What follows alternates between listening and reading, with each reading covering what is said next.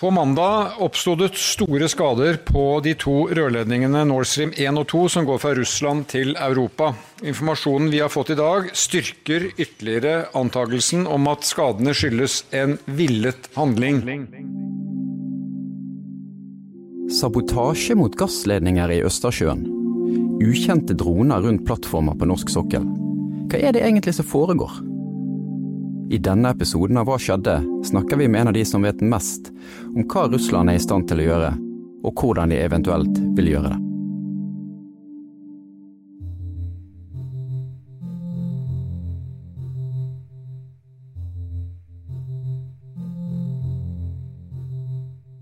Åse Gilje Østensen, førsteamanuensis ved Sjøkrigsskolen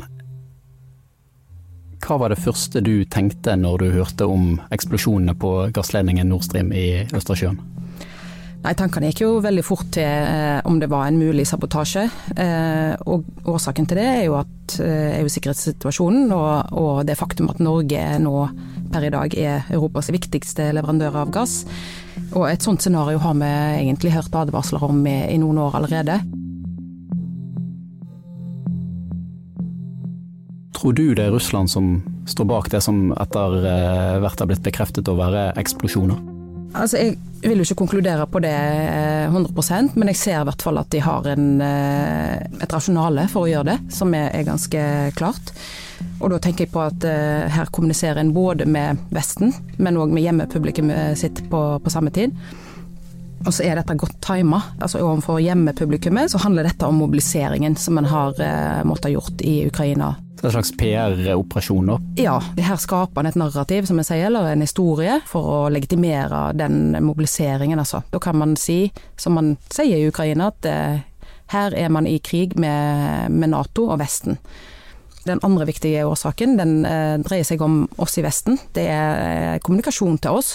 Altså her forteller vi Vesten at dette er, dette er noe som vi både er i stand til å gjøre, og som vi er villige til å gjøre.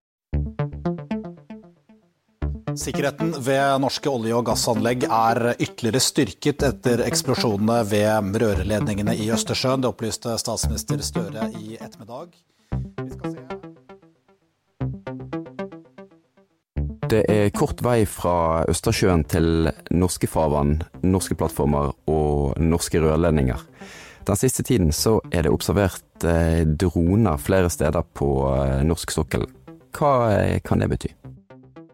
Jeg vil tro at uh, hovedformålet med noe sånt er å drive rekognosering, altså å undersøke fysisk forholdene rundt en plattform, og gjerne hvilke systemer disse plattformene har for å eventuelt skyte de ned. Man får testa at man blir ikke skutt ned når man flyr disse dronene tett på. Og så vil en ta opp eh, Vi vil ha ulike sensorer kanskje på disse dronene som vil fange opp eh, ja, nyttig informasjon, rett og slett, for eh, i tilfelle man skulle planlegge et, et angrep. Da. Og det kan òg være et element av skremselspropaganda her, ikke sant. Vise at eh, man vet at, at, man blir nervøs på andre sida av, av, den type aktivitet, ikke sant. Hva vet man egentlig om Russlands sin evne til å gjennomføre denne type sabotasjeaksjoner eller direkte angrep, f.eks. Mot, mot norsk eh, sokkel? Ja, Hvis man tenker eh, militært, altså konvensjonelt som jeg sier da, så har det jo mange muligheter. Russland besitter et veldig stort arsenal av ulike typer miner, f.eks. Og man kan bruke missiler, presisjonsvåpen. Nå vil jo det være, representere veldig, en veldig eskalering av en sånn konflikt eh, som man står oppe i nå. Så jeg anser vel en sånn type angrep som relativt usannsynlig på dette tidspunktet, i hvert fall. Det er vel mer aktuelt å bruke angrep som eh, vanskelig kan attribueres, og med det mener jeg som der det er vanskeligere å plassere ansvaret på Russland, rett og slett. Altså at man eh, skaper en situasjon der det er vanskeligere for oss å vite nøyaktig eller bevise hvem som står bak det. Eh, og det kan gjøres på mange måter. Eh, skal man huske på at Russland er et autoritært regime, og de skiller i liten grad i praksis mellom det militære og det sivile, og det private og det offentlige. Altså de vil bruke de ressursene som en har tilgjengelig. Om det er fiskebåter, forskningsfartøy eller andre eh, redskap som vi normalt vil sortere inn som både sivile og, eh, og som private, så, så, betyr ikke det så veldig mye her. Her vil man òg ha et element av tvang, ikke sant. Det er et ris bak speilet. Stiller man ikke opp for staten, så vet man at Russland er ikke en rettsstat sånn som Norge.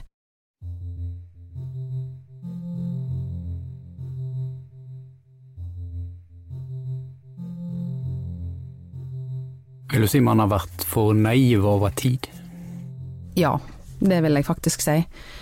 Eh, dessverre så har man tenkt eh, Vi har vel lest russerne for mye i vårt eget bilde, for å si det sånn. Vi har tenkt at eh, næringsvirksomhet er kun næringsvirksomhet, forskningsaktivitet er kun forskningsaktivitet, osv. Og, man har ikke tenkt at det går an å gjøre to ting på samme tid. Men det er russerne flinke til. Det er gjennomført en rekke tiltak både på militær og sivil side, og den siste uken er beredskapen skjerpet ytterligere. Forsvaret vil være mer synlig til stede i områdene rundt våre olje- og gassinstallasjoner, og vi har omdirigert to fartøy fra Kystvakten som nå patruljerer norske olje- og gassfelt i Nordsjøen. Hvis, hvis man ser på Norge og det norske sjøforsvaret, altså hvilke forutsetninger har Norge for å kunne forsvare sokkelen? Eh, og sokkelen jo, består jo både av eh, konkrete olje- og gassplattformer som, som, er et objekt eh, der de er, men det er jo òg tusenvis av kilometer med rørledninger som ligger på, på kryss og tvers. Det, det, det, virker jo egentlig helt umulig å være overalt til enhver tid. Ja, og det tror jeg faktisk det er. Altså at det gassrørledningsnettet er jo nærmere 9000 km langt, så vidt jeg har forstått. Og det skal veldig mye til å måtte, fysisk beskytte det nå. Men det er klart at man kan tenke seg mange måter å få til en utvidet overvåking på. Man kan bruke maritime overvåkingsfly f.eks., og det her kan man òg samarbeide med, med land som òg har en interesse i dette, f.eks. Tyskland og Storbritannia. Men vi bør òg ha noen avanserte krigsskip i nærheten, for de har eh, sine egenskaper og kan stoppe innkommende hvis en er i veldig prekær eh, situasjon. Pluss at en bør ha spesialstyrker på beredskap, da. Vil du si at den situasjonen som vi nå opplever med mistanke om sabotasje i Østersjøen med litt uh, ulne droneobservasjoner her og der, og en pågående konflikt, at, at det representerer et slags vannskille i norsk forsvarspolitikk, eller at det, det er et, et, øyeblikk i historien på hvordan man skal forholde seg til for så vidt både Russland som, som land, men òg eh, forsvarspolitikk som sådan. Eh, jeg tror dette representerer en liten oppvåkning. Fordi at det kom så veldig nært eh, oss, og nå har vi begynt å tenke konsekvenser av eh, et angrep på norsk sokkel.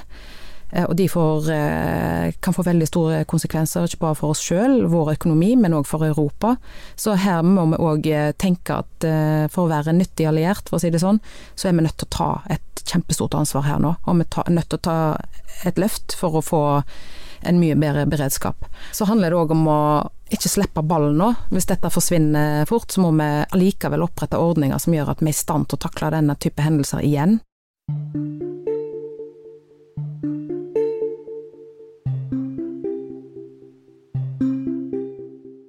Olje- og energiminister Terje Aasland sa tidligere at det var selskapenes ansvar å sikre plattformene, eh, og fikk eh, støtte av eh, statsminister Jonas Gahr Støre, før man nå har blitt litt tydeligere på, på hva statens rolle faktisk er. Hva tenker du om et sånt utspill? Ja, jeg tenker at det er, det er litt passivt. Jeg, jeg, lurer litt på om, om, Norge fremdeles tror at vi har et spesielt forhold til Russland, som vi har trodd de siste år, tiårene. Vi har et litt bedre forhold til Russland enn eh, f.eks. USA og andre land i Vesten, fordi vi har et samarbeid på søk og redning og fiskeri og en del andre ting.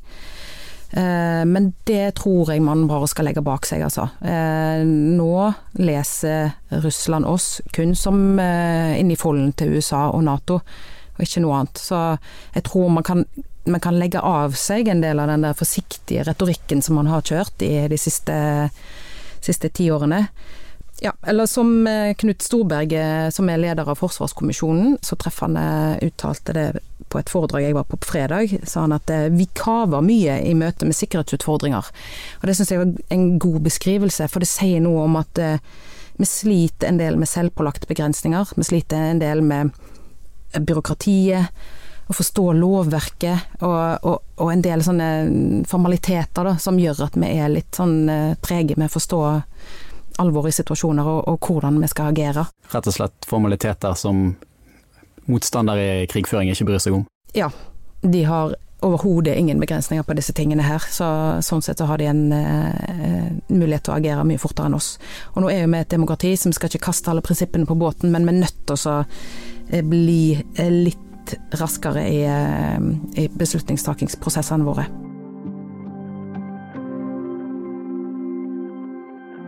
Du har hørt en episode av eh, Hva skjedde? Nyhetsklippene var fra NRK, og ansvarlige for denne episoden er Martin Larsen Hirt og Anna Offstad. Dersom du har innspill, ris eller ros, send oss gjerne en e-post på hva skjedde? alfakrøll bt.no.